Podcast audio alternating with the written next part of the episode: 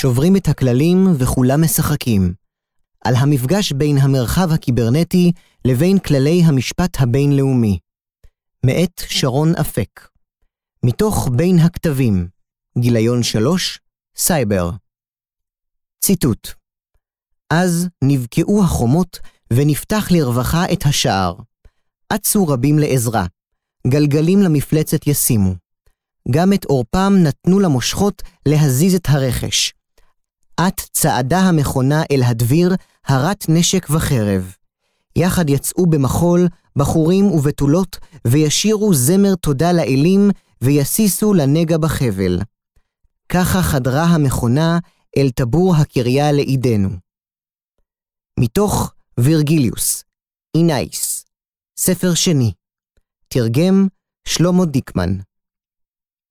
מבוא המרחב הקיברנטי והמשפט הבינלאומי סיפורם של הדינים המסדירים את הלחימה בין בני אדם הוא סיפור של מעבר בין מימדים או מרחבים. הלחימה החלה על פני היבשה, עברה אל גלי הימים, נמשכה אל המרחב האווירי ואף חדרה לחלל החיצון. אין מימד או מרחב ממנו התעלמו מדינות ומנהיגים בשאיפתם להשיג עוצמה מדינית, כלכלית וצבאית. סיפורה של המלחמה ודיניה הוא גם סיפור של התפתחויות טכנולוגיות. זאת החל מעידן הכלים, המצאת הגלגל, דרך עידן המכונות, למשל השימוש בארטילריה, עידן המערכות, כגון רדאר ומטוסים ארוכי טווח, ועד עידן האוטומציה והמידע, מערכות תקשורת ומחשוב מתוחכמות. את הלחימה המודרנית מרבים לתאר כלוחמת מידע, לאור המקום הנכבד שתופס בה השימוש בטכנולוגיית מחשבים. במאה ה-21, רשתות תקשורת ומחשבים הם מרכיב משמעותי ביותר בביטחון הלאומי של מדינות. הם מעצימים את כוחן של מדינות ופותחים בפניהן אופקים חדשים, אך בה בעת, התלות בהם מחדדת את הפגיעות והרגישות של מדינות להתקפות עליהן במרחב המכונה קיברנטי. מהו המרחב הקיברנטי?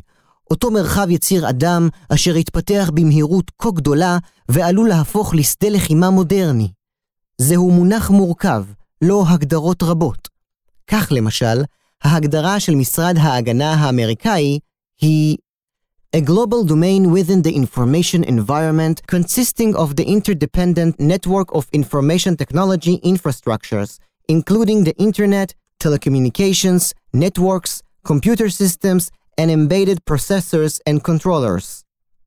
הגדרה זו מקיפה עולם רחב הכולל את רשת האינטרנט והרבה מעבר לכך, לרבות רשתות תקשורת, חומרה ותוכנה, מחשבים, טלפונים ניידים, לוויינים, גלי רדיו, סיבים אופטיים ועוד. בליבו של המרחב הקיברנטי מצויה רשת האינטרנט, מרשתת בעברית תקנית.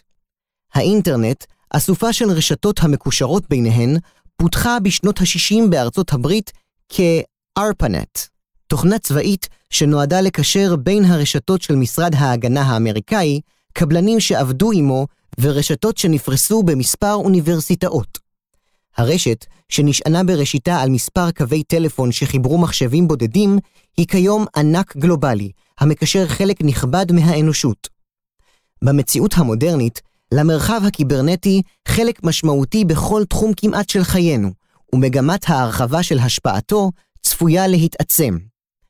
רשת האינטרנט נשאה עימה בשורה חדשה. היא תוכננה במטרה להיות פתוחה, מינימליסטית וניטרלית. מבחינה טכנולוגית היא חסרת גבולות, חוצה גבולות וגלובלית. אדם הניצב מול מסוף מחשב עשוי בלחיצת כפתור לבצע פעולה שתהדהד במקום הרחוק ממנו אלפי מילים. הוא עשוי לתרום בכך לידע, לרפואה, לכלכלה ולחברה, אך לפעולתו עלולה להיות גם תוצאה מזיקה. לצד היתרונות העצומים של המרחב הקיברנטי והאפשרויות הבלתי מוגבלות של שימוש בו לתכלית טובה, הוא משמש גם כר פורה לריגול, פגיעה בזכויות אזרח, פשיעה, גרימת נזק וטרור. כאשר התפתח המרחב הקיברנטי, היו שציירו אותו כמערב פרוע נטול סדר וחוקים. למעשה, אופיו החתרני והפתוח של המרחב היה אחד ממוקדי המשיכה אליו. עם הזמן, לצד הפיכת המרחב למרכזי כל כך בהוויה האנושית, הולך ומתפתח שיח בעניין יצירת משטר קיברנטי. על רקע האופי הגלובלי וחוצה הגבולות של המרחב, ברור שהסדרה תחייב מעורבות של שחקנים רבים ושיתוף פעולה בינלאומי. יצירת משטר קיברנטי כרוכה בין השאר בגיבוש כללי משחק מתחום המשפט הבינלאומי. כללים שיגדירו את המותר והאסור בין שחקנים בינלאומיים, ובין השאר יפתרו את סימני השאלה ביחס לפעילות התקפית במרחב הקיברנטי. א. התקפה במרחב הקיברנטי אחד מאתגרי העיסוק המשפטי במרחב הקיברנטי הוא הצורך לגשר בין המונחים המקצועיים, הקיברנטיים, לבין עולם המושגים המשפטי. הדבר בולט ביחס למונח מרכזי אשר עתיד לעמוד בלב ההסדרה המשפטית, התקפה, attack. התקפות קיברנטיות הפכו כבר לשגרה, אך טרם התגבשה הבנה מוסכמת ומקובלת בזירה הבינלאומית ביחס להגדרתן. הדבר אינו כה מפתיע, שכן מונחים משמעותיים אחרים, כמו טרור, טרם זכו להגדרה בינלאומית מוסכמת. הניסיון להגדיר התקפה קיברנטית מחדד את פערי היסוד והמחלוקות האסטרטגיות בין המעצמות הקיברנטיות. בפרט, קיימים קיטוב וחשדנות הדדית על רקע שוני באינטרסים ובתפיסות בין ארצות הברית ומדינות המערב לבין רוסיה וסין. בארצות הברית, לאחר שהוקם פיקוד ייעודי למרחב הקיברנטי, החלו להתפרסם משנת 2011 הגדרות רשמיות להתקפה קיברנטית. בהכללה, ההגדרות שאומצו על ידי ארצות הברית, נאט"ו ומדינות מערביות אחרות כוללות שלושה רכיבים. אמצעי התקפה, פעולה באמצעות מחשבים ורשתות, גרימת נזק, והתשתית המותקפת, מחשבים, מידע ורשתות של הגורם המותקף. העמדה של רוסיה וסין מנגד שמה דגש על כך שפעולות מסוימות במרחב הקיברנטי הן פסולות. ניתן למשל ללמוד עליה מתוך גישת שנגחאי קורפוריישן אורגניזיישן. הארגון שולל הפצת מידע שנועדה להזיק למערכות חברתיות, פוליטיות וכלכליות, ומבקש לאסור שימוש במרחב הקיברנטי באופן המערער את היציבות הפוליטית. למותר לציין שגישה זו אינה מתיישבת עם ערכים מערביים, הנתפסים כאבן יסוד של המרחב הקיברנטי, כגון חופש הביטוי, הזכות לקבל מידע ולהחליף מידע בזמן אמת ועוד. הספרות המשפטית מנתחת על פי רוב שלושה סוגים מרכזיים של התקפות קיברנטיות. הראשונה, Distributed Denial of Service, DDoS בקיצור, ובעברית, שלילה מבוזרת של שירותים, דרך פעולה נפוצה בשנים האחרונות. בסוג התקפות זה, מוחדר וירוס לאלפי מחשבים המאפשר שימוש בהם לצורכי הגורם החודר. בהמשך, באופן מתואם, אותם בוטנטס, אלפי מחשבים שנחטפו, משבשים את השרתים המותקפים באמצעות כניסה שיטתית והמונית לאתרים מסוימים. זאת עד לנפילת האתרים כתוצאה מהעומס ומניעת פעילות באותם אתרים. היתרון בשיטה הוא השימוש באלפי מחשבים תמימים מסביב לעולם תוך שמירת אנונימיות התוקפים. כיום ניתן לרכוש מגורמים עברייניים את השירות של ביצוע התקפת DDoS. השנייה, שתילת מידע שגוי. התוקף מחדיר מידע שגוי למערכת מחשב, כאשר זו ממשיכה לכאורה לפעול בצורה תקינה, גם כאשר היא סוטה ממשימותיה. כך למשל, נטען כי ארצות הברית תכננה בשנת 1999 להזין מידע שגוי במערכת ההגנה האווירית של סרביה, ולנטרל כך את יכולתה לפגוע במטוסי נאט"ו. השלישית, חדירה לרשת מחשבים וביצוע פעולות באמצעותה. להתקפה מסוג זה, פוטנציאל לשבש מערכות רגישות, למשל כאשר מערכות מחשבים שולטות על מפעלים גדולים ותשתיות כמו חשמל ומים, מערכות סקאדה, Supervisory Control and Data Acquisition. ב. התקפות הדגל הקיברנטיות בזירה הגלובלית. מלחמה קיברנטית, יום הדין הטכנולוגי, נתפסה בעבר כמדע בדיוני.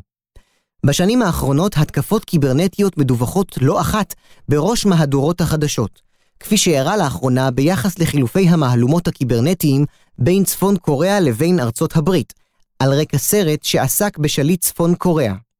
כותבים מצביעים על תרחישים מטרידים, בהם התקפות אלו מסיטות רכבות נוסעים ממסילותיהן, מחשיכות ערים, מפוצצות צינורות נפט וגז ומשביתות שדות תעופה.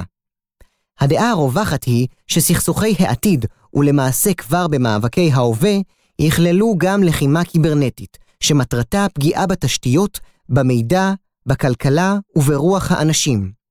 אין זה מפתיע שביטחון המרחב הקיברנטי הוכתר על ידי האו"ם כאחד האתגרים המשמעותיים במאה ה-21. במרחב הקיברנטי טרם התרחשו אירועים מכוננים, טרם אירע 9-11 קיברנטי, ששינו באופן דרמטי את התודעה המדינית והצבאית העולמית. ועדיין, בשנים האחרונות המחישו התקפות קיברנטיות את הפוטנציאל ההרסני הטמון בכלים וביכולות קיברנטיים. להלן יוצגו בקצרה כמה מהמקרים הידועים והבולטים ביותר. ההתקפה על אסטוניה באפריל-מאי 2007 נערכו התקפות מסיביות על רשת המחשבים של אסטוניה, זאת בתגובה לכוונת ממשלת אסטוניה להעביר אנדרטת זיכרון למלחמת העולם השנייה ממרכז עיר הבירה, טאלין, לבית קברות צבאי בפרברי העיר. ההתקפות נמשכו כחודש וכוונו נגד תשתיות אינטרנט ציבוריות וכלכליות, לרבות של הנשיא, ראש הממשלה, הפרלמנט, מפלגות, בנקים, גופי תקשורת וספקי אינטרנט. ההתקפות היו מסוגים שונים, DDoS, השחתת אתרי אינטרנט, הרס מידע ממוחשב ועוד, והובילו לנפילת שרתים ואתרי אינטרנט. באסטוניה מהווה האינטרנט כלי משמעותי בתחומים רבים, והמדינה אף תוארה כמדינה הפגיעה ביותר להתקפות קיברנטיות. חצי מהאוכלוסייה השתמשה בשנת 2007 באינטרנט לקבלת שירותים ממשלתיים. הממשלה פעלה ללא נייר. 95% מהפעילות הבנקאית נוהלו באופן דיגיטלי, ו-98% משטח המדינה היה מרושת קיברנטית. בהתאם, להתקפות היו השלכות משמעותיות. יכולת הפעולה האפקטיבית של שני הבנקים המרכזיים במדינה שותקה למספר ימים. חצי מסוכנויות החדשות המרכזיות נתקלו בקשיים. נפגעה גביית המיסים. נותקו קווי החירום במדינה למשך שעה. ניזוקה התקשורת הפרטית והציבורית, ולא פחות חשוב, נפגע האמון בכלכלת המדינה. הנזק הכלכלי של התקיפות נאמד בין 27.5 ל-40 מיליון דולרים. בהתקפות נגד אסטוניה נוצלו כמיליון מחשבים. חלקם הקטן בשימוש ישיר ורובם כזומבים, לאחר שהוחדרה בהם תוכנה זדונית. התקפות רבות בוצעו מרוסיה, אך העקבות הובילו ל-177 מדינות לפחות. רוב ההתקפות בוצעו ממחשבים בעלי כתובת IP פרטית, אך אותרו גם מחשבים בשליטת מוסדות ממשלתיים רוסיים. החשד לביצוע ההתקפות נפל מטבע התפתחות האירועים על רוסיה. יש הטוענים כי רוסיה הפעילה לשם כך ארגוני חסות. עם זאת, לא הוצגו הוכחות חזקות וחד משמעיות שממשלת רוסיה ביצעה את ההתקפות או עמדה מאחוריהן. אסטוניה עצמה קבעה שההתקפות בוצעו על ידי קבוצות פטריוטיות של פצחנים, האקרים רוסיים, מבלי שייחסה אותן ישירות לממשלת רוסיה. אסטוניה הגיבה בעיקר בפעולות כמו הרחבת פסי התקשורת ובמאמץ דיפלומטי משותף עם גורמי נאט"ו. חשיבותן של ההתקפות על אסטוניה בהיותן קריאת השכמה, המבשרת על העידן החדש. לראשונה, מדינה מצאה עצמה מתמודדת עם התקפה רחבת היקף ומשמעותית שבוצעה ככל הנראה בחסות מדינה אחרת במרחב הקיברנטי.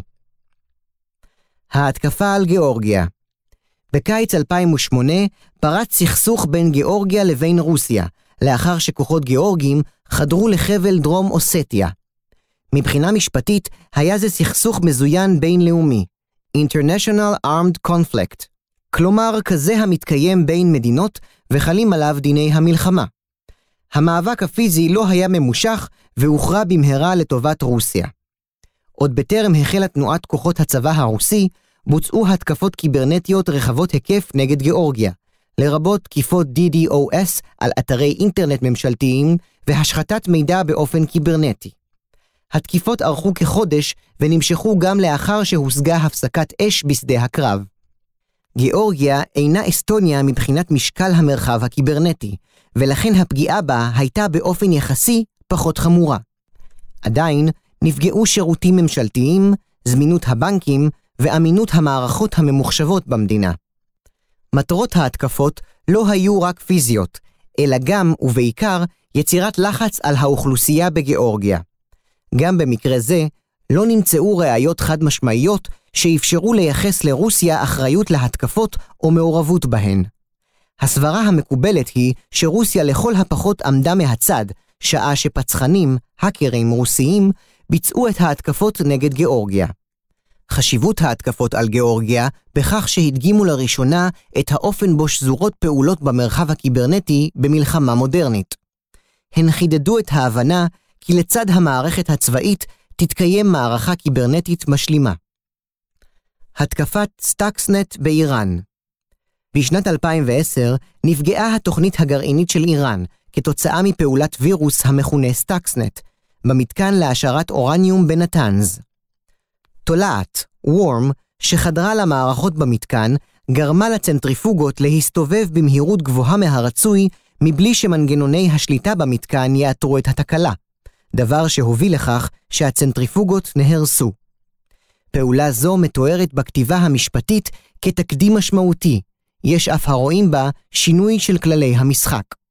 זהו וירוס המחשבים הידוע הראשון שגילם יכולת להתקיף באופן ספציפי מערכת תעשייתית, מהסוג המכונה SCADA, Supervisory Control and Data Acquisition, ולגרום לה נזק רב.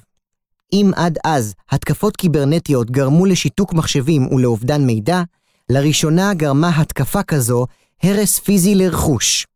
הדבר חידד את הפוטנציאל של התקפות קיברנטיות כאמצעי של יצירת אפקט הרס ליריב.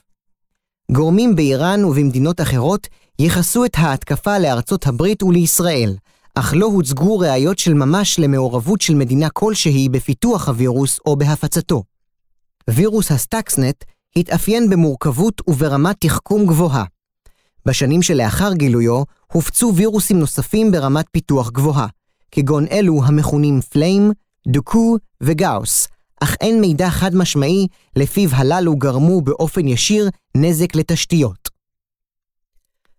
התקפות ציניות בארצות הברית בשנים האחרונות הצטברו סימנים לקיומה של תוכנית רחבת היקף, במסגרתה נערכות התקפות קיברנטיות בחסות ממשלת סין.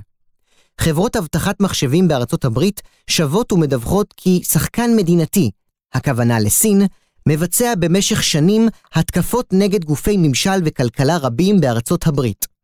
כך למשל, אחת ההתקפות הידועות, אשר בוצעה כבר בשנת 2005, כונתה טייטן ריין.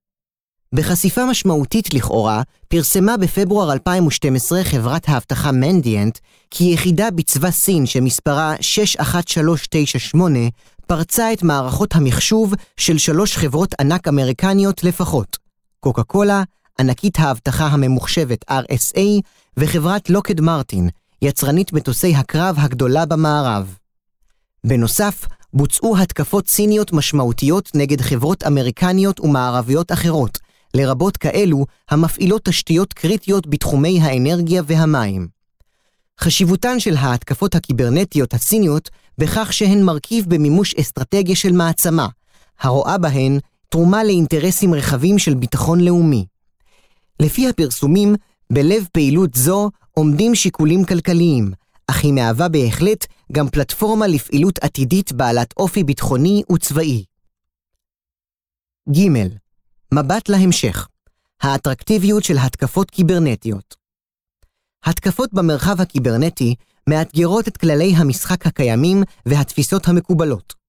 במובן זה, הן מזכירות סוג אחר של התקפות אשר מצאו את הקהילה הבינלאומית בלתי מוכנה, הטרור העולמי, בעיקר מאז שנת 2001.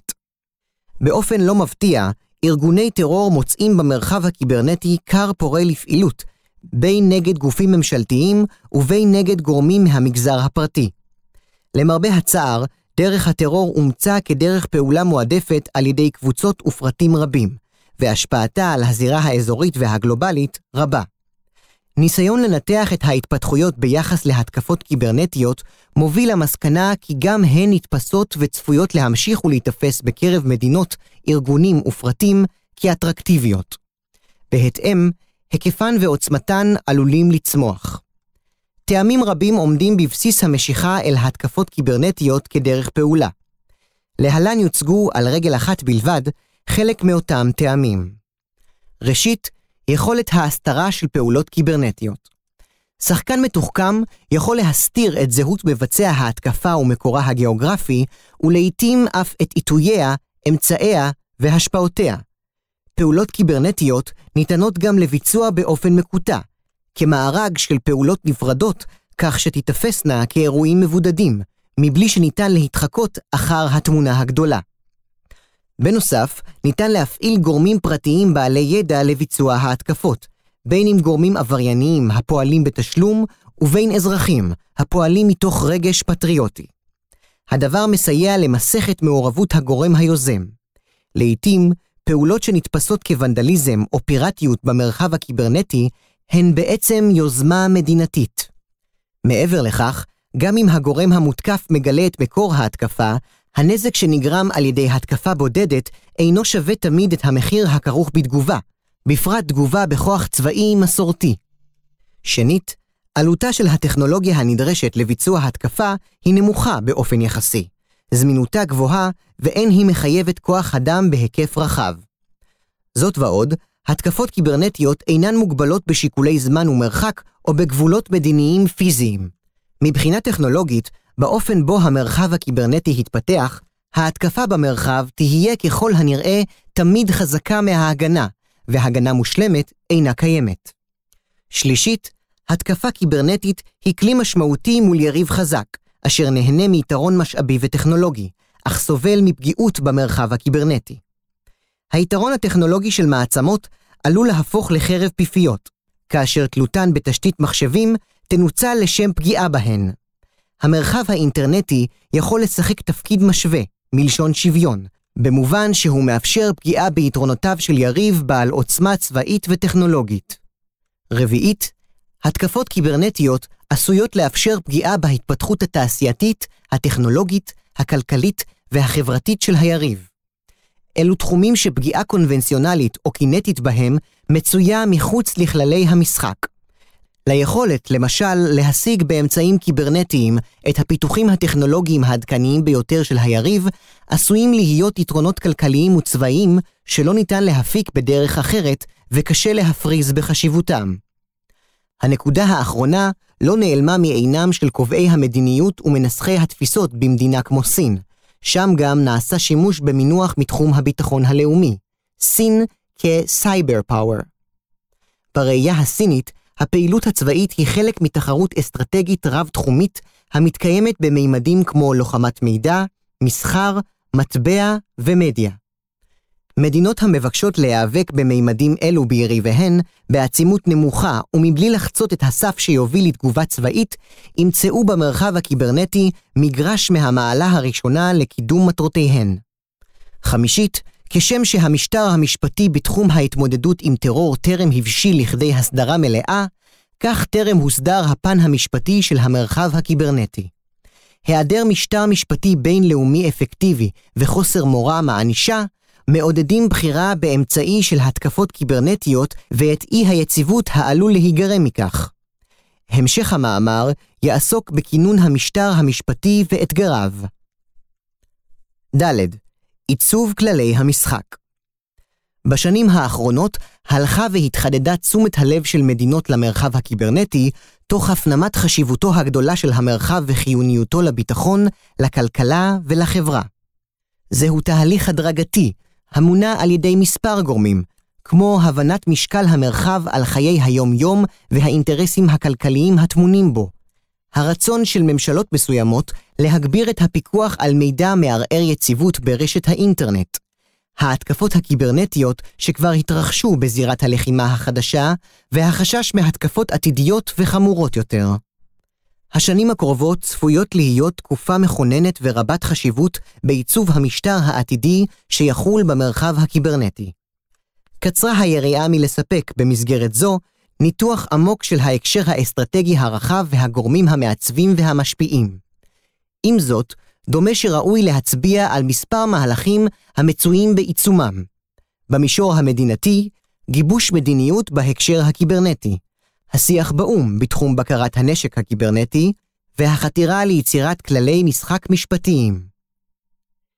גיבוש מדיניות קיברנטית אשר למישור המדינתי בהכללה, ההתפתחות המהירה של המרחב הקיברנטי תפסה את מדינות העולם בלתי מוכנות להתמודד עם אתגרי השעה.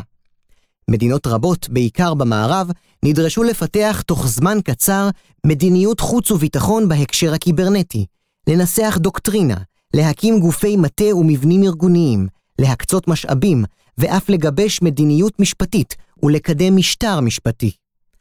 המדינה המובילה את העיסוק בנושא, ארצות הברית, פרסמה במאי 2010 את מסמך האסטרטגיה הביטחונית הלאומית, בו תואר האיום הקיברנטי כאחד האיומים הרציניים ביותר לביטחון הלאומי, ביטחון הציבור והכלכלה שאנו מתמודדים עמם כאומה.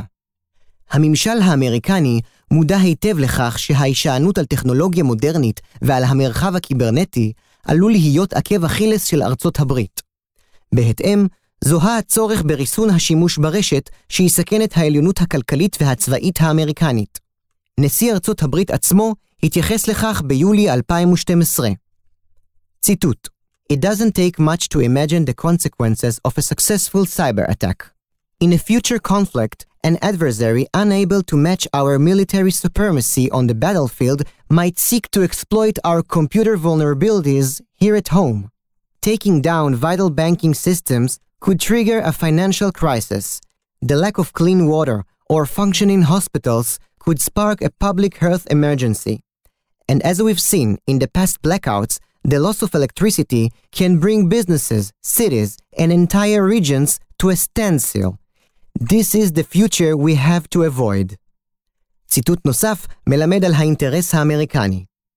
ציטוט Having some effective limits on what nations actually do with their cyber war knowledge might, given our asymmetrical vulnerabilities, be in the US national interest. במסגרת ההיערכות האמריקנית למציאות החדשה, פרסם משרד ההגנה בשנת 2011 את המסמך שכותרתו Strategy for Operating in Cyberspace. במסמך הוגדר המרחב הקיברנטי כמימד אופרטיבי, בדומה למימדים המסורתיים, יבשה, ים, אוויר וחלל. מעבר לכך, הוקם לראשונה פיקוד קיברנטי, האחראי על הפעילות במימד זה. הקמת הפיקוד אינה סמלית בלבד, אלא מדובר בצעד משמעותי של ריכוז כל היכולות והסמכויות האמריקניות במסגרת ארגון אחד, אשר יוכל להוביל ספקטרום רחב של פעילות מבצעית במרחב הקיברנטי. בארצות הברית מתקיים דיון ער במיוחד, שעניינו הנורמות שיחולו במרחב הקיברנטי. מורכבות הדיון נובעת בין השאר מהמתח הנעוץ בהיות המרחב שדה לקידום האינטרסים של ארצות הברית, אך גם לפגיעה קשה בבטן הרכה שלה. בדומה לארצות הברית, הנושא זוכה לעיסוק נרחב גם בבריטניה, בארגון נאט"ו, ואף במדינות שאינן מערביות, כמו סין ורוסיה. רוסיה, למשל, פרסמה בשנת 2011 באופן חריג מסמך תפיסתי המנחה את הכוחות המזוינים של המדינה ביחס לפעילות במרחב המידע. הפעילות באו"ם צמיחת המרחב הקיברנטי, ההתקפות שבוצעו, הסיכונים הכרוכים בכך והתפתחותו של מעין מרוץ חימוש קיברנטי, כל אלו צפויים היו להוביל לדיונים בעלי אופי משפטי באו"ם. כך קרה בפועל, תחילה באופן מהוסס, ובשנים האחרונות היקף הדיונים הולך וצובר תאוצה. בהכללה, הדיונים באו"ם מתקיימים בשני הקשרים מרכזיים. הפוליטי-צבאי, בו דנים בלוחמה קיברנטית, לעתים תחת הכותרת של בקרת נשק, בעיקר במסגרת הוועידה הראשונה של האו"ם. וההקשר הכלכלי, בו דנים בעיקר בפשיעה במרחב הקיברנטי. בהקשר הפוליטי-צבאי, לב הדיון הוא בשאלות כיצד טכנולוגיות וכלים במרחב הקיברנטי עלולים לשמש למטרות שאינן מתיישבות עם שמירת היציבות והביטחון הבינלאומיים ולסכן את הביטחון של מדינות, וכיצד הקהילה הבינלאומית נדרשת להגיב לכך. זירת האו"ם היא מיקרוקוסמוס, ממנה ניתן ללמוד על מרוץ החימוש שמתרחש במרחב הקיברנטי ועל האינטרסים השונים במסגרתו. באופן אירוני, רוסיה היא שמובילה קריאה בינלאומית לבקרת נשק במרחב הקיברנטי, ואילו ארצות הברית נתפסת לעיתים כמי שחוסמת מהלך כזה. מבלי להרחיב, בשלב זה מוקדם להעריך את כיווני ההתפתחויות של היוזמות המקודמות במסגרת האו"ם, והאם תבשלנה למשטר מחייב בהובלת הארגון. כינון המשטר המשפטי בעת הזו מצוי המשטר המשפטי הבינלאומי שיסדיר את המרחב הקיברנטי בשלבי התהוות ראשונים, Norm Emergence, במונחי אחד המודלים, המתאר התפתחות נורמות ביחסים בינלאומיים. זהו שלב של עיצוב כללי משחק משפטיים, בו גורמים שונים מנסים ליזום הצעות למשטר עתידי ולשכנע כמה שיותר מדינות וארגונים בינלאומיים לאמץ את הצעותיהם בדרכים שונות. חלק מהיוזמות ממוקד בניסיון לפתח משטר משפטי, המכונה Soft Law, כלומר כזה שאינו מחייב ואינו ניתן לאכיפה. זהו משטר הכולל נורמות ועקרונות לא מחייבים, שמטרתו הסמויה, ולעיתים המופגנת, היא להשפיע על הפרקטיקה של מדינות. מסלול משפטי זה, המשולב בדיפלומטיה ציבורית ובשיח אקדמאי, מבקש לעצב גרסאות רכות יותר של המשטר המשפטי העתידי, במטרה לעודד התקדמות בעיסוק המשפטי כשלב מוקדם בתהליך רב-שלבי. תהליך משמעותי ברוח זו היה ניסוח מדריך טאלין, להלן גם המדריך. המדריך נוסח על ידי קבוצת מומחים בהובלת פרופסור מייקל שמיט מארצות הברית. התהליך שהביא לניסוח המדריך קודם על ידי גוף הפועל בחסות נאט"ו, שעניינו שיתוף פעולה בהגנה במרחב הקיברנטי. NATO Cooperative Cyber Defense Center of Excellence, NATO CCD-COE. זהו גוף צבאי בינלאומי שמקום מושבו בטאלין, אסטוניה. לפני מספר שנים הוזמנה על ידו קבוצת מומחים בינלאומית לשם הפקת מדריך בנושא הדין החל על לוחמה קיברנטית. עם קבוצת המומחים נמנו משפטנים בעלי ניסיון פרקטי רב, אקדמאים ומומחים טכניים. התהליך שהחל בשנת 2009 הבשיל בקיץ 2012. אז הושלם המדריך ופורסם, תחילה באופן מקוון, ובמרס 2013 גם בדפוס. ד. המרחב הקיברנטי והמשפט הבינלאומי, ביחד או לחוד. הדיון המשפטי הראשון בחשיבותו עניינו שאלת יסוד. האם כללי המשפט הבינלאומי המקובלים והקיימים מסדירים בכלל את המרחב הקיברנטי? המענה לשאלה זו אינו חד-משמעי. הדבר נובע בראש ובראשונה מכך שאותן אמנות בינלאומיות, המהוות את עמוד השדרה של כללי המשפט הבינלאומי, נוסחו בעידן שבו המרחב הקיברנטי היה בגדר מדע עתידי, ואינן מתייחסות כמובן ישירות למרחב זה. יתר על כן, לא קיימת פרקטיקה של מדינות ממנה ניתן לגזור את הכללים שמנחים אותן בפועל בהתמודדות המשפטית עם המרחב. עוד חשוב לציין, כי הגישות השונות לנושא מבטאות לא רק שיקולים משפטיים טהורים, אלא גם שיקולים רחבים יותר, אסטרטגיים ואידיאולוגיים. כך, המענה לשאלה עשוי להשתנות בהתאם למקום מגוריו של המשיב, בייג'ינג, מוסקבה או וושינגטון. לאור האמור, נדרשות צניעות וביקורתיות ביחס לכל יומרה להציג, ברמה גבוהה של ודאות, את המצב המשפטי במרחב הקיברנטי. אם בכל זאת נבקש להתחקות אחר עמדות בשאלת היסוד האמורה, נראה כי העמדה הסינית מכירה בצורך להכיל כללים בינלאומיים במרחב הקיברנטי, לרבות כללים המיועדים למנוע מיליטריזציה של המרחב, לעודד פתרון סכסוכים בדרכי שלום ולאסור שימוש בכוח. סין מדגישה את היותה קורבן להתקפות במרחב הקיברנטי, בפרט מצד ארצות הברית, יפן וקוריאה הדרומית, ומגנה את ניסיונות המערב למנוע ממנה פיתוח יכולות קיברנטיות. אשר לגישה הרוסית, זו מכירה בכללי המשפט הבינלאומי הקיימים כנקודת מוצא לדיון במרחב הקיברנטי, אך מציגה להם פרשנות החורגת מפרשנותם המקובלת במערב, לצד דרישה להכללת עקרונות משפטיים נוספים. סין ורוסיה ממוקדות בקידום אסטרטגיה שתיצור מרחב המתאים יותר לאינטרסים שלהן. בראייתן, השליטה הדומיננטית של המערב במידע היא חלק מאסטרטגיה גדולה יותר של הגמוניה. האינטרנט בסגנונו המערבי מהווה איום על המשטרים שלהן, והמידע הוא נשק שחובה לפקח עליו. אשר לעמדות במערב, ניתן להצביע על קשת של דעות, החל מכאלה המצדדות בהכלה מלאה של כללי המשפט הבינלאומי במרחב הקיברנטי, דרך דעות לפיהן ההכלה מחייבת שינויי פרשנות ותפיסה, וכלה בדעה החולקת על תכולת הדין הקיים ביחס לפעולות קיברנטיות. העמדה הדומיננטית בקרב גורמים רשמיים בממשלת ארצות הברית, כמו גם בקרב כותבים מובילים במדינה, היא שיש ליישם את כללי המשפט הבינלאומי גם על המרחב הקיברנטי. עמדה זו באה לידי ביטוי במסמך האסטרטגיה הבינלאומית למרחב הקיברנטי שפורסם בשנת 2011. שם נכתב, ציטוט: The development of norms for state conduct in cyberspace does not require a reinvention of customary international law, nor does it render existing international norms obsolete. Long-standing international norms guiding state behavior in times of peace and conflict also apply in cyberspace. דברים דומים נאמרו בנאום חשוב שנשא היועץ המשפטי של מחלקת המדינה בארצות הברית, להלן נאום קו, בספטמבר 2012. לצד הקביעה העקרונית המקובלת בארצות הברית ובמדינות מערביות, כי יש להכיל את כללי המשפט הבינלאומי במרחב הקיברנטי, קיים מגוון של דעות בעניין מידת ההתאמה של הכללים למרחב הקיברנטי והקלות בה ניתן ליישמם. במסמך האסטרטגיה שהוזכר לעיל, נכתב כי נדרשת עבודה משפטית, במטרה לקבוע כיצד בדיוק הכללים חלים ומה נדרש כדי להשלים אותם.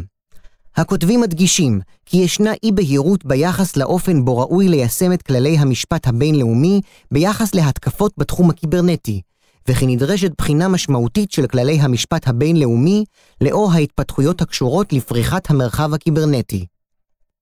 ה. Hey, האתגר בהחלת כללי המשפט הבינלאומי במרחב הקיברנטי. גם המאמינים האדוקים ביותר בתכולתם הרחבה של כללי המשפט הבינלאומי יסכימו לקביעה שהחלתם ויישומם במרחב הקיברנטי מאתגרים, בלשון המעטה. המרחב הקיברנטי חותר תחת פרדיגמות מסורתיות של המשפט הבינלאומי. מספיק להזכיר חלק מהמאפיינים של כללי המשפט הבינלאומי והאופן בו התפתחו כדי לעמוד על המורכבות של החלתם במרחב הקיברנטי. כך למשל, המשפט הבינלאומי התפתח כאמצעי להסדרת יחסים בין מדינות, להן גבולות, טריטוריה וריבונות. במרחב הקיברנטי, לעומת זאת, פועלים שחקנים משמעותיים שאינם מדינות, בהם גופי ענק כלכליים כמו גוגל, פייסבוק ואחרים. ארגונים כמו הקבוצה המכונה אנונימוס, ולהבדיל, ארגוני טרור, פצחנים, האקרס, גופים לא רשמיים המופעלים על ידי מדינות ועוד. יתר על כן, קשה להתייחס לפעילות קיברנטית במונחים כמו טריטוריה, הפרת ריבונות, כבוד לגבולות גיאוגרפיים, פעילות מדינתית וכו'. מונחים מרכזיים אלו מתחום המשפט הבינלאומי כמעט זרים למרחב הקיברנטי, הפתוח והגלובלי. אחת ההתפתחויות החשובות במשפט הבינלאומי בעשורים האחרונים היא הטלת אחריות על מדינות ועל פרטים, למשל במקרה של ביצוע פשעי מלחמה. הטלת אחריות במישור המשפטי מחייבת זיהוי של המדינה או הגורם שביצע את הפעולה וייחוס הפעולה לו, בהתבסס על ראיות. המרחב הקיברנטי, כפי שכבר הודגש, לא תוכנן על מנת לאפשר זיהוי של הפועלים בו.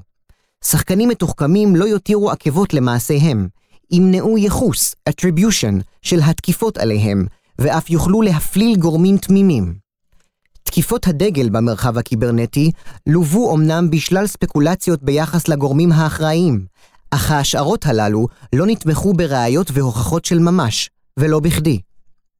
כללי המשפט הבינלאומי המסדירים לחימה מבוססים על מספר עקרונות, בהם עיקרון ההבחנה, distinction.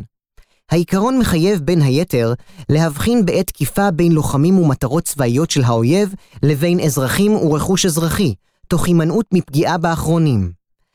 עמידה בדרישת ההבחנה מאתגרת בלחימה המודרנית בכלל, ועלולה להיות קשה ליישום פי כמה וכמה במרחב הקיברנטי. במרחב הקיברנטי שורר טשטוש כמעט מוחלט בין אזרחים לבין לוחמים. הלוחמים עשויים להיות אזרחים בלבוש אזרחי ובמשרד אזרחי, שנשקם מקלדת ומחשב. קיימת מזיגה כמעט מלאה של תשתיות אזרחיות ותשתיות צבאיות, ללא הפרדה של ממש בין רשתות, מתקנים ומוסדות צבאיים לבין אלו האזרחיים. מונחים כמו לוחם, מטרה צבאית, פרופורציונליות ונזק אגבי מחייבים לכל הפחות מחשבה חדשה ויצירתית בהקשר הקיברנטי. בראייה רחבה יותר, ניתן לומר כי הכללים המשפטיים באופן מסורתי מבוססים על הפרדות והבחנות, בין מדינות לבין גופים שאינם מדינתיים, בין תשתית צבאית לבין תשתית אזרחית, בין התקפה לבין הגנה עצמית וכיוצא באלה. המרחב הקיברנטי, לעומת זאת, אינו עולם של סיווג ברור ודיכוטומי. זהו מרחב של עמימות תבואה ומכוונת, מרחב פתוח לכולם, דינמי ומשתנה. המיזוג בו בין צבאי לאזרחי, בין מדינתי לפרטי, בין אינטרסים ותכליות פעולה שונים, רק יתגבר עם הזמן. המרחב הקיברנטי מאיים לשבור ואולי כבר שובר את ההבחנות המשפטיות המסורתיות, אינו מיישר קו עם הרציונל שבבסיס הכללים המקובלים וחותר תחת המחשבה המשפטית והצבאית האופיינית. מאפיין נוסף של המרחב הקיברנטי, מעבר לשבירת הכללים או מתיחתם לכיוונים חדשים, קשור בעובדה שכולם משחקים. בשעה שיש למשל מעט מדינות, אם בכלל, המסוגלות לאיים באופן ריאלי בתקיפה קינטית משמעותית על מדינות המערב, הרי שעם ההתפתחות הטכנולוגית, מדינות, ארגונים וגופים רבים הם תוקף פוטנציאלי או הלכה למעשה של מדינות המערב. במרחב הקיברנטי, גם לשחקנים קטנים יכולת להשפיע באופן משמעותי, הרבה מעבר לגודלם היחסי, על הביטחון הלאומי של מדינות אחרות. זאת ועוד, מדינות המערב היו בעבר המעצמות הדומיננטיות שהובילו את עיצוב כללי המשפט הבינלאומי. הסדרה משפטית עתידית של המרחב הקיברנטי אינה צפויה להיות פריבילגיה של המערב. יתר השחקנים לא יהיו חותמת גומי ושותפים סבילים. סין ורוסיה הן מעצמות קיברנטיות ובעלות אינטרסים ומשקל בכל תהליך של הסדרה עתידית. ניתן להניח כי גם למדינות אחרות הפעילות במרחב, הודו ואיראן למשל, תהיה השפעה בתחום זה. אכן המשפט הבינלאומי כבר נדרש להתאים עצמו להרחבת הלחימה למימדים נוספים, ים, אוויר וחלל, ולהתמודדות עם תופעות חדשות ומשמעותיות, כמו נשק גרעיני וטרור. עדיין, המרחב הקיברנטי על מאפייניו הייחודיים והאפשרויות האינסופיות הגלומות בו, עשוי להוות אתגר חסר תקדים בכל הקשור לישימות הכללים הקיימים. כדי לא להותיר את הדברים כלליים מדי, הדבר יודגם בהקשר אחד בלבד, הזכות להשתמש בכוח כהגנה עצמית כתגובה להתקפה מזוינת. ו. הזכות להשתמש בכוח כהגנה עצמית כתגובה להתקפה מזוינת. אחד העקרונות החשובים במשפט הבינלאומי הוא איסור השימוש בכוח. האיסור מעוגן בסעיף 2.4 למגילת האו"ם, ונחשב, כפי שקבע בית הדין הבינלאומי בהאג, אחד מאדני היסוד של המגילה. הסעיף קובע, בתרגום חופשי, ציטוט, כל חברי האו"ם יימנעו ביחסיהם הבינלאומיים מאיום או משימוש בכוח נגד שלמותה הטריטוריאלית או עצמאותה המדינית של מדינה כלשהי, או בכל דרך אחרת שאינה מתיישבת עם מטרות האו"ם.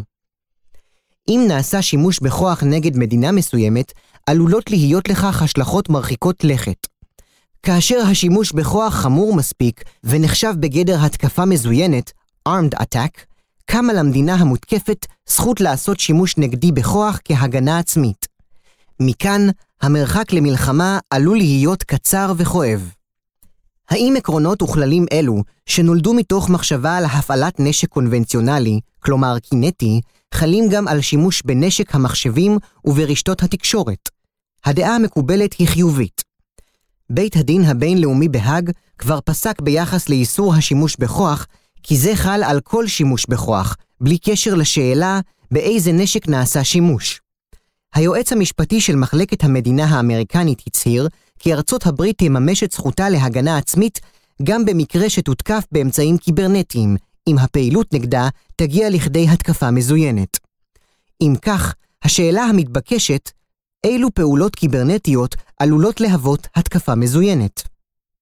העמדה הדומיננטית במערב היא שהתקפה קיברנטית תהיה התקפה מזוינת כשיהיו לה מאפיינים ותוצאות המזכירים התקפה מזוינת קינטית, כלומר גרימת מוות, או פציעה של אנשים, או פגיעה ברכוש. גישה זו אומצה למשל במדריך טאלין, ובאה לביטוי במסגרתו בכלל מספר 13. בקרב מחברי המדריך היה קונסנזוס כי פעולות קיברנטיות עלולות להיות כה חמורות עד שיוצדק להגדירן כהתקפה מזוינת. הם הוסיפו כי לא כל שימוש בכוח יהווה התקפה מזוינת. נדרשים היקף וחומרה מסוימים, scale and effects, על מנת ששימוש בכוח יגיע לכדי התקפה מזוינת. הגישה הרשמית האמריקנית הוצגה בספטמבר 2012 על ידי היועץ המשפטי של מחלקת המדינה, נאום קו. לפי עמדה זו, התוצאות הפיזיות של הפעולה הקיברנטית הן המפתח להגדרתה. אם התוצאות הן מוות, פציעה או הרס רכוש משמעותי, התקיפה תיתפס כשימוש בכוח המהווה התקפה מזוינת ומצדיק הגנה עצמית בכוח. כך למשל יהיה כאשר התוצאות הפיזיות של התקפה קיברנטית תהיינה שקולות לתוצאות של הטלת פצצה או ירי טיל. כדוגמאות לפעולות קיברנטיות מסוג זה, הוצגו תרחישים תאורטיים של גרימת התכה במתקן גרעיני, פריצה של סכר באזור מיושב, או נטרול של בקרת תעופה. האם פגיעה במידע היא פגיעה ברכוש? הפרשנות המקובלת היא שאיסוף מידע קיברנטי, גנבת מידע ואפילו השמדת מידע או שינויו, אינם התקפה מזוינת בפני עצמם. הגישה האמריקנית והמערבית מבטאות תפיסה מסורתית של עולם המלחמה. לאורך ההיסטוריה שיבשו מדינות את הסדר העולמי באמצעות פגיעה בבני אדם וגרימת נזק לרכוש. תוצאות פיזיות אלו נתפסו כהרסניות ליציבות העולמית ולביטחון המדינות, ולכן הקהילה הבינלאומית הסכימה לאמץ כללים שימנעו את התרחשותן. האתגר שמעורר המרחב הקיברנטי קשור למצבים בהם נגרמת למדינה כתוצאה מהתקפה קיברנטית פגיעה קשה ומשמעותית שאינה מתבטאת בנזק פיזי ישיר לאדם או לרכוש. דמיינו למשל התקפה קיברנטית על הבורסה בניו יורק, שתגרום לפגיעה קשה בזרימת המידע ובאמינותו ולהתרסקות הבורסה. הפגיעה בכלכלה האמריקנית והעולמית תהיה קשה מאוד. לכאורה נגרם נזק כלכלי גרידא, אין לפעולה מאפיינים של פגיעה פיזית ישירה, ולכן אינה בגדר התקפה מזוינת. הבעיה עם כך, היא שבמרחב הקיברנטי ניתן לערער את היציבות של מדינות באמצעות פעולות שאינן קינטיות, באמצעות הקשה על לוח המקשים של מקלדת מחשב או מסך מגע. כלים ויכולות קיברנטיים שאיש בעבר לא חשב לאסור, עלולים לגרום תוצאות קשות, שיתפסו על ידי מדינות כקייזוס בלי, עילה למלחמה. במילים כלליות יותר, המרחב הקיברנטי מנתק את החפיפה בין המשטר המשפטי הקיים לבין התוצאות שהמשפט מבקש למנוע. המשטר המשפטי הבינלאומי אמור לאפשר למדינות להגן על עצמן ולמנוע תוצאות שנתפסות כחמורות מאוד בראייתן. בעולם המודרני, המשפט אינו יכול להסתפק באיסור על פגיעה פיזית ותו לא. מדינה שבה האזרחים לא יוכלו לגלוש באינטרנט, האמון במערכת הבנקאית ייפגע, הבורסה תשותק ושירותי הממשלה הממוחשבים לא יתפקדו, תראה זאת בחומרה רבה. היא תחוש פגיעה שאינה נופלת מזו של התקפה קינטית צבאית. מדינה שתיפגע כך, תרצה להגיב ותחוש הצדקה מלאה לכך. המשפט יהיה חייב לתת מענה גם לסוג ההתקפות הקיברנטיות הללו. גם אם הדין ימלא פיו מים, הפרקטיקה של מדינות תכתיב כללי משחק חדשים. הקושי בהשלמה עם המצב המשפטי כבר זכה לביטוי, בעיקר בכתיבה האקדמית. כותבים רבים סבורים שלא האופי הפיזי של תוצאות התקיפה, פגיעה גופנית או הרס רכוש בלבד, צריך להיות המבחן הקובע בהקשר שתואר לאל. לגישתם, למשל, צריך לבחון בצורה רחבה יותר את היקף האפקט הנגרם מהתקיפה. כך שהתקפה קיברנטית שתוצאותיה הכלכליות קשות, תחשב התקפה מזוינת.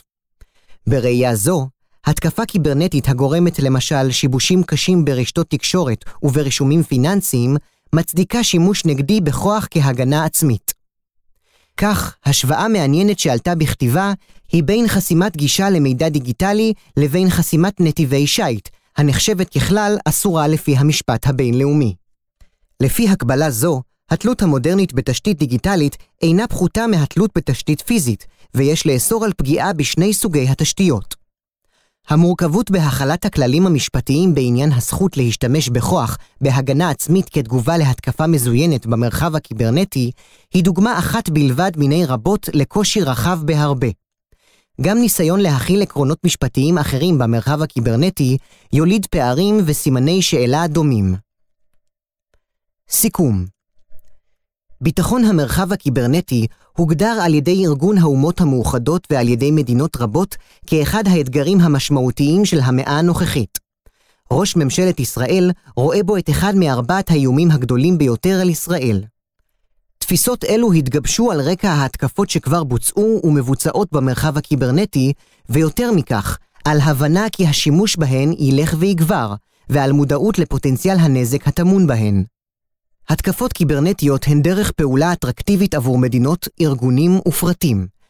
הן ניתנות להסתרה בקלות יחסית, זולות, זמינות, קשה להתגונן מפניהן, בכוחן לעיין יתרונות טכנולוגיים וכלכליים של יריבים ולתרום לביטחון הלאומי של התוקף. בנוסף, הנורמות המשפטיות ביחס אליהן טרם עוצבו, כך שהתוקף אינו מסתכן בפעילות המצויה מחוץ לכללי המשחק. השנים הקרובות צפויות להיות תקופה מכוננת בעיצוב המשטר המשפטי העתידי שיסדיר את המרחב הקיברנטי. כיום כבר שוררת הסכמה רחבה למדי, הן במערב והן בסין וברוסיה, כי יש להכיל את כללי המשפט הבינלאומי במרחב זה. בד בבד, קיימת תמימות דעים כי הכלה זו היא מאתגרת, בלשון המעטה. מה מקור האתגר? המרחב הקיברנטי חותר תחת פרדיגמות מסורתיות של המשפט הבינלאומי. מונחי המשפט הבינלאומי, כמו גבולות, טריטוריה, מדינות, לוחמים ועוד, כמעט זרים למרחב הקיברנטי. קשה לייחס אחריות משפטית לפעילות קיברנטית. המשפט הבינלאומי נשען על הבחנות דיכוטומיות בין אזרחי לבין צבאי, ואילו המרחב הקיברנטי מאופיין בעמימות תבואה ומכוונת. המרחב הקיברנטי מאיים לשבור ואולי כבר החל לשבור את ההבחנות המשפטיות המסורתיות. אינו מיישר קו עם הרציונל שבבסיס הכללים המקובלים, וחותר תחת המחשבה האופיינית למשפט הבינלאומי. בנוסף, במרחב הקיברנטי כולם משחקים. גם שחקנים קטנים באופן יחסי עלולים להשפיע באופן משמעותי על הביטחון הלאומי של מדינות. זאת ועוד, עיצוב כללי המשחק המשפטיים לא יהיה פריבילגיה של מדינות המערב, אלא מהלך מורכב, לא שותפים שחקנים רבים. כדוגמה לאתגר של המשפט הבינלאומי, הוצגה הזכות שהוא מעניק למדינה להשתמש בכוח כהגנה עצמית בתגובה להתקפה מזוינת עליה. לפי הכללים הקיימים, זכות זו מוקנית רק למדינה שהותקפה בפעולה שגרמה נזק פיזי ישיר לאדם או לרכוש, שאינו מידע. עם זאת, במרחב הקיברנטי ניתן לערער יציבות של מדינות ולגרום להן פגיעה כלכלית אדירה מבלי לתקוף אותן פיזית. הרחבה ביחס לכיווני הפעולה הנדרשים מחייבת חריגה מהיקפו של מאמר זה. ברור כי המשפט הבינלאומי יצטרך להשתנות ולהתפתח כדי לתת מענה למציאות החדשה. אם הדבר לא יקרה, מדינות יחושו מוגבלות על ידי המשפט הקיים ונטולות מענה אפקטיבי לאיומים עליהן. שמירה על כללי המשפט הבינלאומי המסורתיים עלולה לעמוד בניגוד לאינטרסים שלהן בתחום הביטחון הלאומי ולעורר דילמות קשות ביחס לדרך הפעולה. ככל שהטכנולוגיה תצעד קדימה וירבו התקפות קיברנטיות, מדינות תידרשנה בתדירות גבוהה לקבל החלטות, האם להגיב באמצעות שימוש בכוח, קיברנטי או פיזי. על המשפט הבינלאומי להמציא עצמו מחדש ביחס למרחב הקיברנטי ולספק כללים שיסייעו בשמירה על היציבות והביטחון. ימים יגידו האם המשפט עמד בהצלחה באתגר זה.